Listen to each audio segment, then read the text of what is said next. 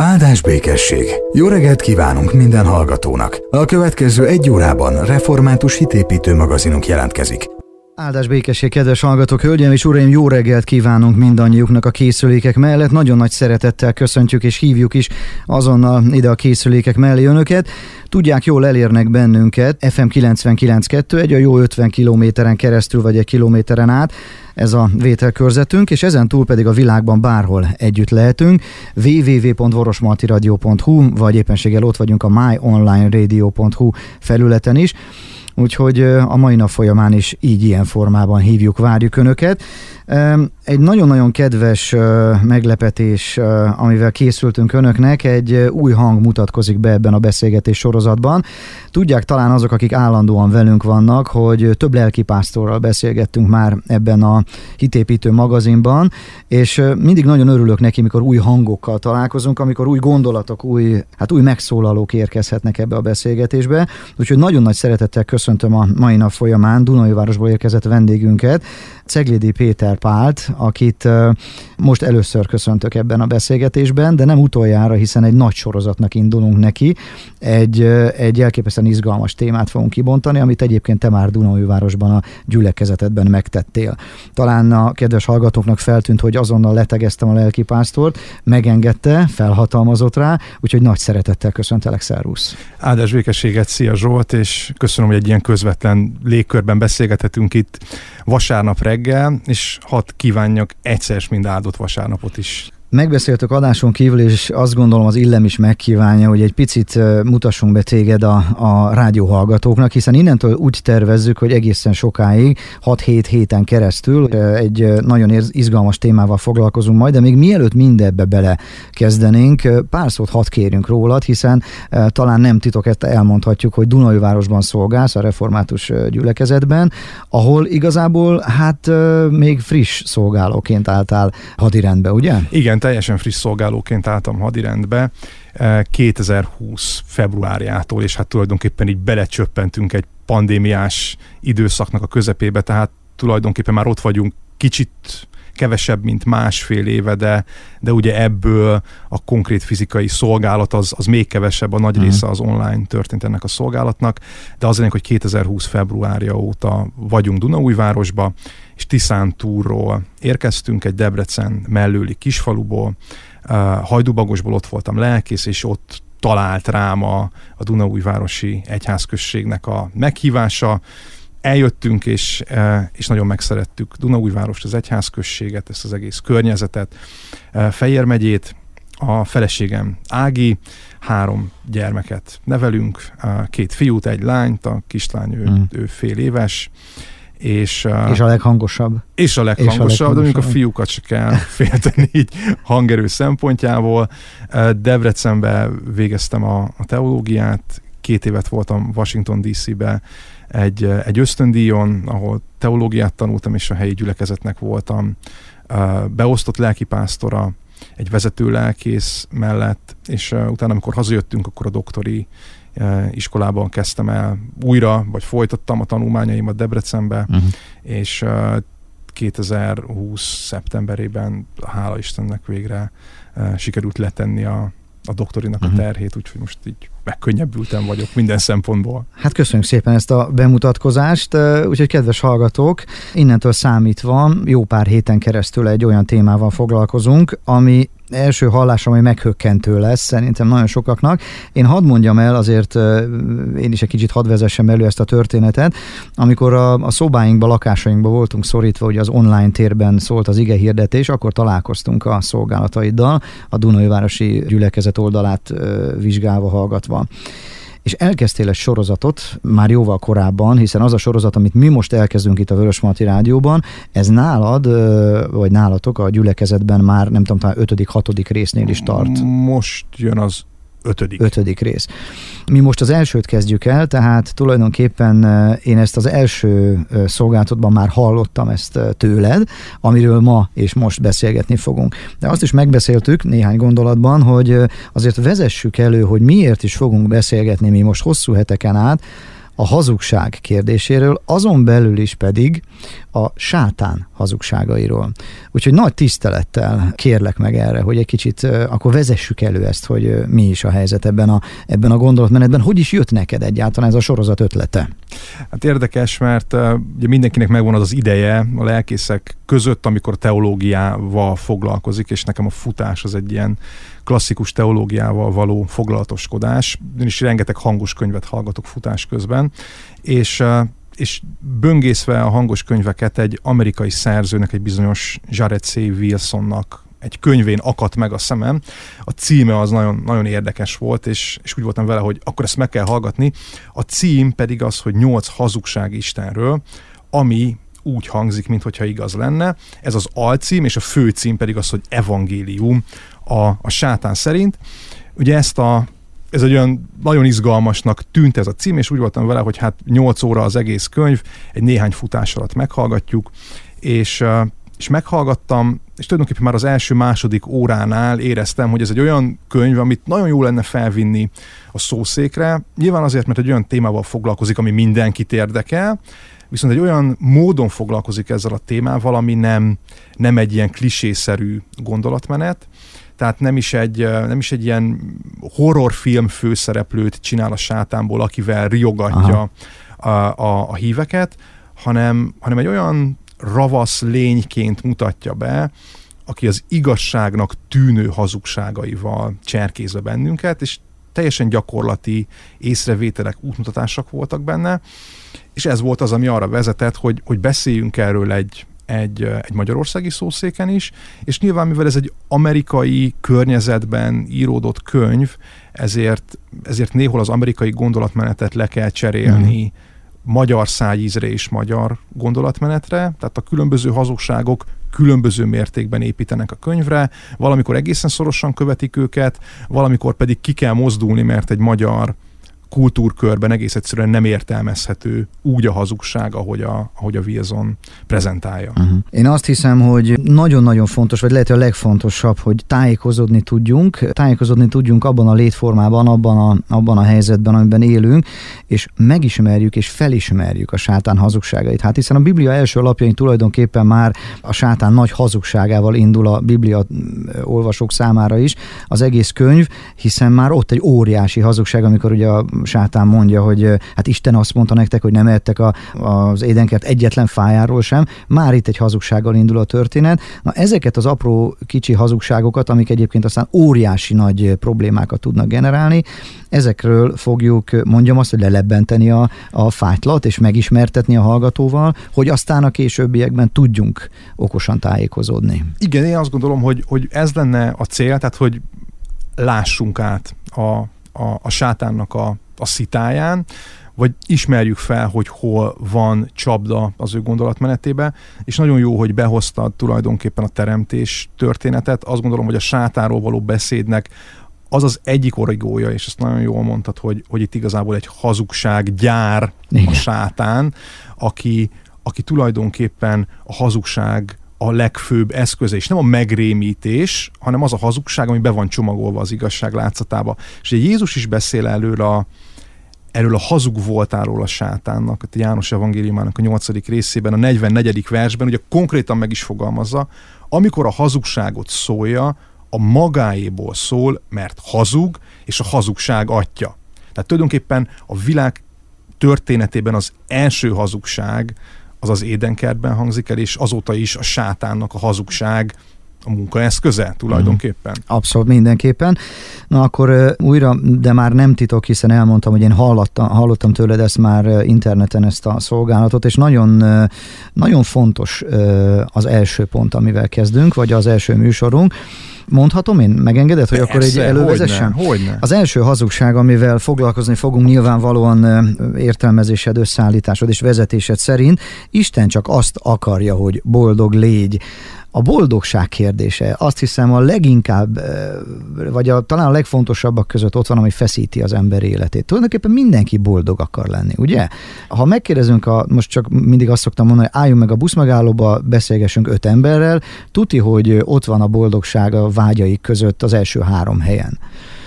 És a sátán már itt hazudik A végén fogjuk megérteni egyébként, hogy miért, mert első olvasatra Isten csak azt akarja, hogy boldog légy, még igazából azt mondanánk, hogy Hát, Pali Zsolt, mi ezzel a baj? Hát tulajdonképpen gondol, azt akarja, ugye? Tehát, azt akarja. Tulajdonképpen azt akarja. És, és ezért tetszett különösen ez a téma, és ezért tetszett különösen a szolgálatod is ebben a történetben, mert én is tettem fel a kérdéseket, miközben hallgattalak végig, hogy oké, okay, oké, okay, na de, és úgy vártam, hogy na mi lesz ennek a vége, úgyhogy remélem a hallgatók is most kíváncsian figyelnek, hogy abból, ami Igazából egy tulajdonképpen féligasság és félig hazugság, az Isten csak azt akarja, hogy boldog légy.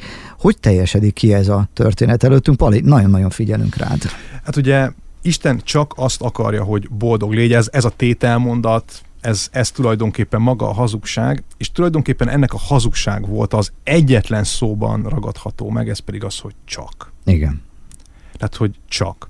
És ugye megint el lehet gondolkodni azon, hogy a boldogság alatt mi mit értünk. Mit értünk keresztény emberként, meg mit ért egy busz megállóban állított random ember, aki nem biztos, hogy keresztény. Tehát uh-huh. a keresztény a boldogság, az maradjunk annyiba, hogy nem ugyanaz a boldogság, mint amikor az ember bekapcsol egy véletlenszerű tévéműsort, és, és abban definiálják számára a boldogságot. Ugye azért veszélyes ez a hazugság, mert valóban azt látjuk a Szentírásnak alapjain, hogy van egy szerető Isten. Ugye talán a kereszténységnek az egyik legikonikusabb igéje, a János 3.16, mert úgy szerette Isten a világot, hogy egyszülött fiát adta, hogy aki hisző benne, el ne veszem, hanem örök élete legyen. Ezt, ezt minden keresztény ismeri, és megfogalmazódik, hogy van egy szerető Isten, aki szerető módon adta az ő fiát, de lehetne sorolni, hogy megteremtette a világot, elhozta a megváltást, megszabadít bennünket bajainkból, segít a nehéz helyzetekben, és tulajdonképpen ezek alapján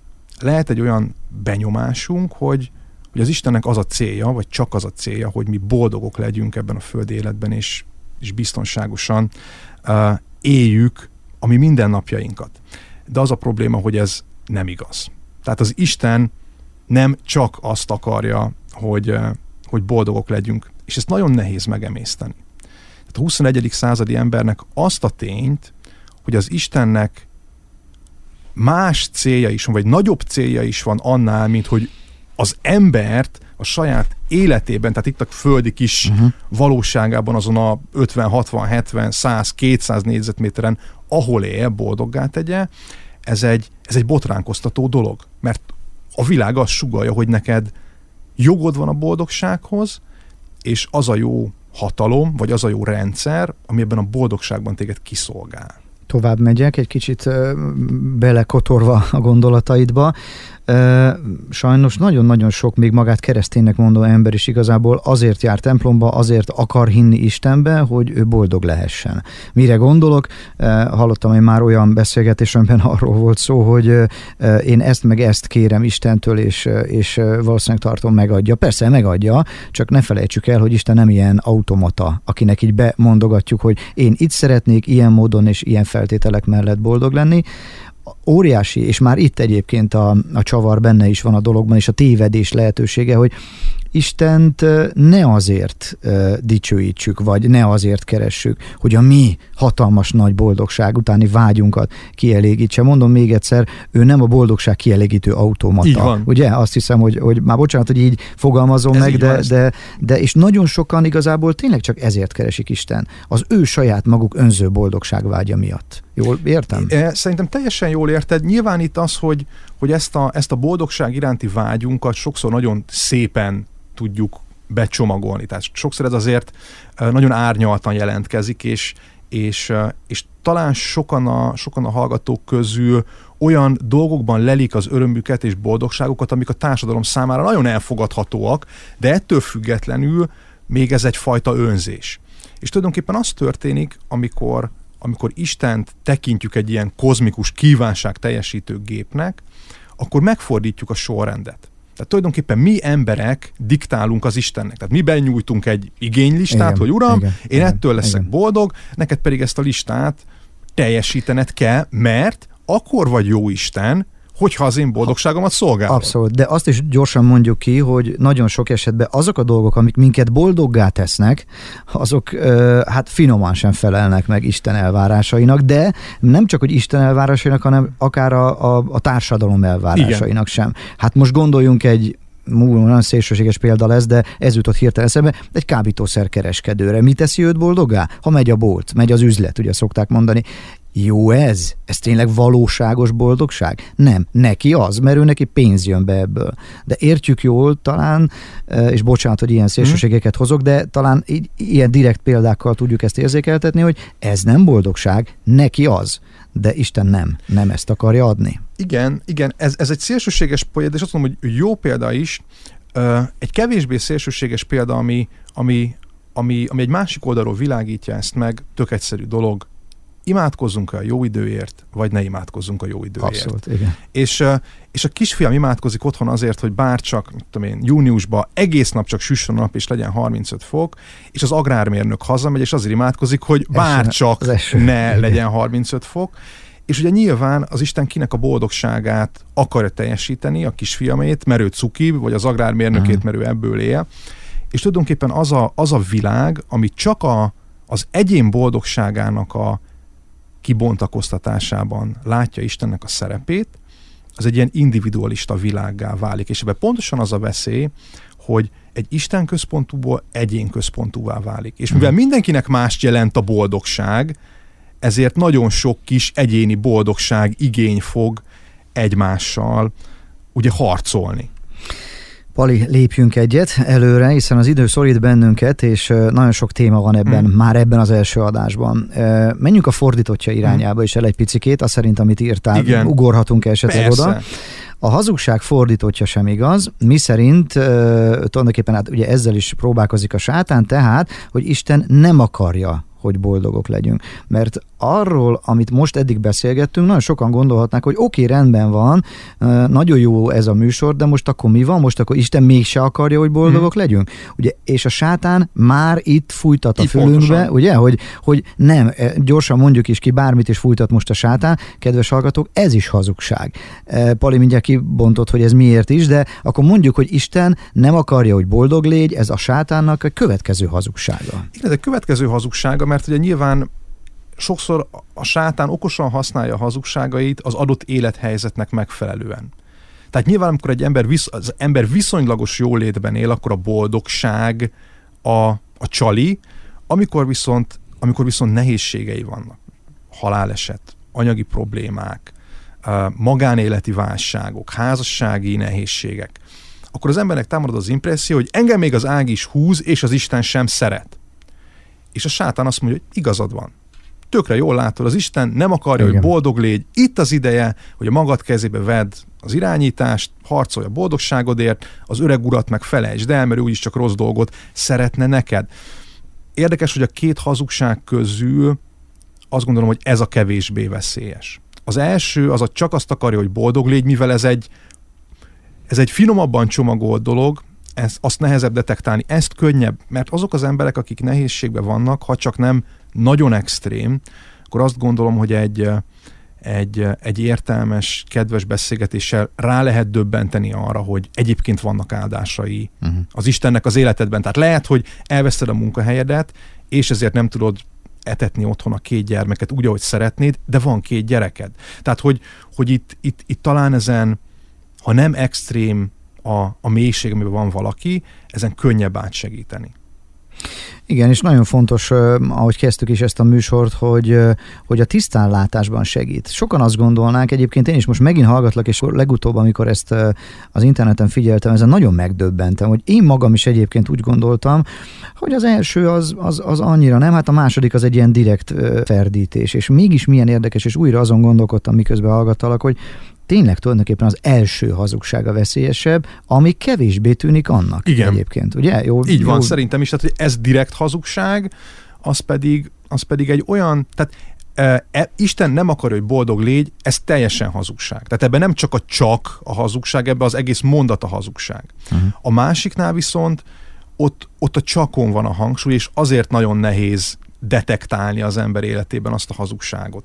Én legalábbis így gondolom.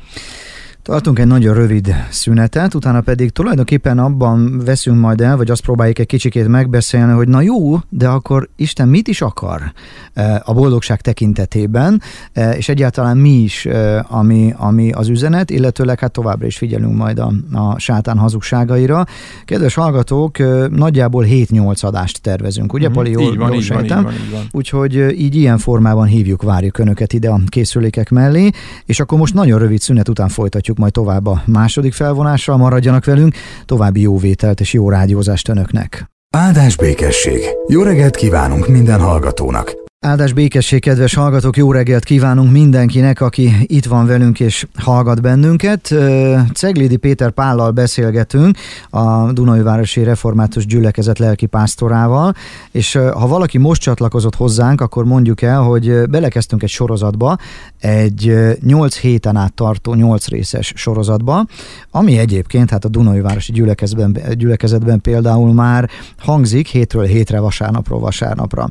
És ha már gyülekezet gyülekezet, ha már vasárnap, akkor minden alkalommal megragadom az alkalmat, most is megteszem, hogy éljenek a templom látogatás lehetőségével a kedves hallgatók, akár úgy is, hogy most meghallgatnak bennünket, ebből táplálkozva neki indulnak a templomoknak, de ugye egyáltalán is, hiszen 10 órától itt Székesfehérváron is természetesen két helyen is várja önöket a református gyülekezet. Hát Pali, akkor beszélgetünk tovább, és akkor folytatjuk tovább azokat a hazugságokat, ferdítéseket, amiket a sátán gyakorol a mi életünkben, és amiben jóha picit el tudunk igazodni, és én magam is egyébként próbálom szívni magamba azokat, amiket mondasz, és amik ide le vannak írva, hiszen óriási tanítások. Úgyhogy nagyon szépen köszönöm neked így ilyen formában is, hogy tudunk erről beszélgetni. Örülök, hogy itt vagyok. És akkor menjünk, menjünk ö, ö, tovább, hiszen ott, ott tartottunk, hogy megfordítottuk azt a kijelentést, hogy Isten azt akar, csak azt akarja, hogy boldogok legyünk, megfordítottuk a hazugságot, ö, mert az sem igaz, hogy Isten nem akarja, hogy boldogok legyünk.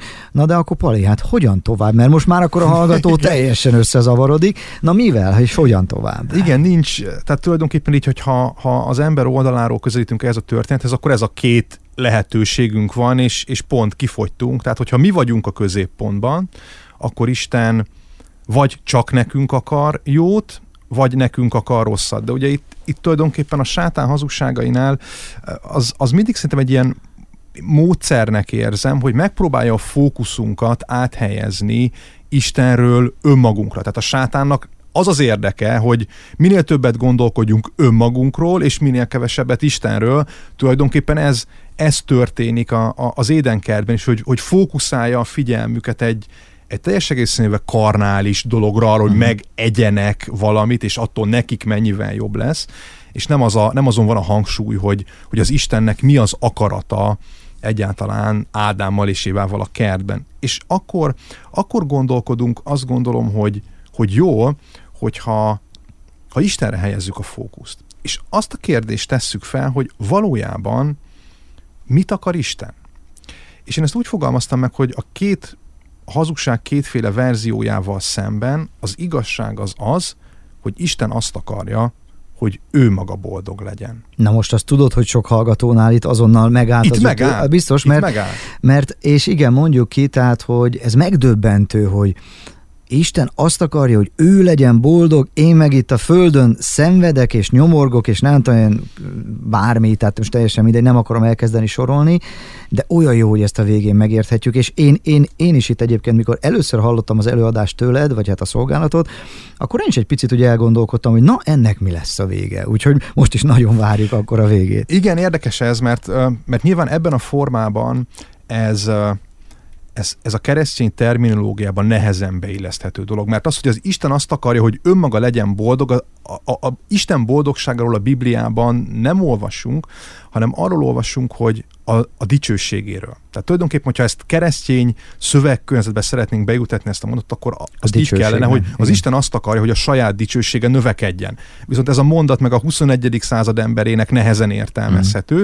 Tehát tulajdonképpen így jutott jutottam oda, hogy Isten azt akarja, hogy önmaga legyen boldog. És nagyon-nagyon érdekes volt egy, egy hölgye, hölgynek tettem fel ezt a kérdést egy keresztelői előkészítés során, hogy uh, mit szeretnél Istentől, és úgy elmondta, hogy nagyjából mik azok a dolgok, amiket ő vár, hogy biztosítson számára, uh, hogy mitől lenne ő boldog, és, és amikor feltettem ezt a kérdést, hogy, hogy szerinted te mivel tudnád Istent boldoggá tenni, akkor, akkor egy látható tanástalanság, hogy az, hogy az Isten boldoggá kell tenni. Mondjuk ez egy jogos tanástalanság egyébként. Hát mit jogos. tudunk mi tenni azért, hogy ő boldog legyen? Hát mit tudunk mi tenni, hogy ő boldog, vagy mit tudjunk tenni azért, hogy az ő dicsősége növekedjen. És hogy egyáltalán miért van, vagy milyen módon növekszik az Istennek a dicsősége. A, a Mózes harmadik könyvében, a 19. rész 20. versében azt olvassuk, az Úr hívja fel a népet arra, hogy szentek legyetek, mert én az Úrati Istenetek szent vagyok. Tehát az Isten azt várja el, hogy hasonuljon hozzá a nép, legyen szent, mint ahogy ő szent. Ha ezt a szenté válást elmulasztja, akkor tulajdonképpen azzal Istennek a jogos haragját és büntetését uh-huh. vonja magára. Hogyha az Istennek van haragja és büntetése, akkor következésképpen van boldogsága és szeretete és elismerése és mondjuk azt itt az ószövetségi környezetben jutalmazása is, amivel elismeri ezt a szenté vállást. Tehát Istent meg lehet haragítani, meg boldoggá is lehet tenni. Pali, az időnk nagyon szalad, úgyhogy ha. pont a végére érünk. Mik, a, mik az utolsó gondolatok? A, az utolsó gondolatok az az, hogy szentek legyetek, és hogyan valósul meg ez a szentség? Tehát ki az az ember, akiben az Isten gyönyörködik?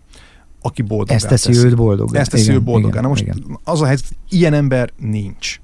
Egyetlen egy lény volt, aki az Isten boldoggá tette, ez pedig az ő egyszülött fia, ugye Jézus Krisztus, a Szent Háromságnak a második személye. És amikor ugye őt megkereszteli keresztelő János, akkor megszólal a mennyei szó, és mondja, íme a szeretett fiam, akiben gyönyörködöm. Uh-huh. Tehát Jézus Krisztus az, akire az Isten ránéz, és azt mondja, hogy benne megvalósul az a szentség, ami engem boldoggá tesz.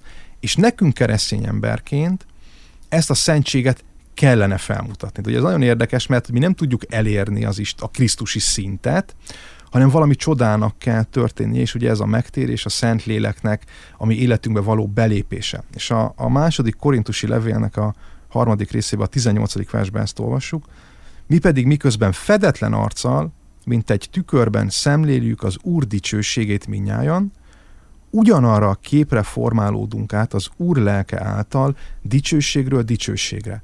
Tehát a Szentlélek az, aki átformál bennünket egy olyan képre, amiben az Isten gyönyörködik. És ami elhangzik, hogy ez az én szeretett fiam, benne gyönyörködöm, hogyha Krisztusban vagyunk, ez rólunk is elhangozhat, és ebből a szempontból ekkor tesszük boldogá az Istent.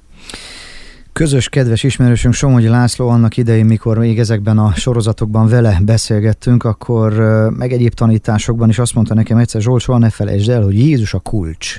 Jézus mindig mindennek a kulcsa. Úgyhogy most megint megerősödhetünk ebben, hogy Isten boldoggá tételében is tulajdonképpen Jézus a kulcs egyértelműen Abszolút, mondhatjuk. Így van, így van. Tehát Jézus a kulcs, aki boldoggá teszi az atyát, és bennünket képes olyanná tenni, hogy mi is boldoggá tudjuk tenni az atyát. És ugye itt van a nagy visszakapcsolás, hogy tulajdonképpen abban az állapotunkban, amikor boldoggá tesszük az atyát, akkor mi magunk is egy tökéletesebb boldogságra jutunk el. És ilyen alapon Istennek nem csak az a célja, hogy boldogok legyünk, de mégis az lesz az eredmény, hogy boldogok lehetünk vele. De ha ezt az ördög útján keressük, a hazugság mentén, akkor nem érjük el. Uh-huh.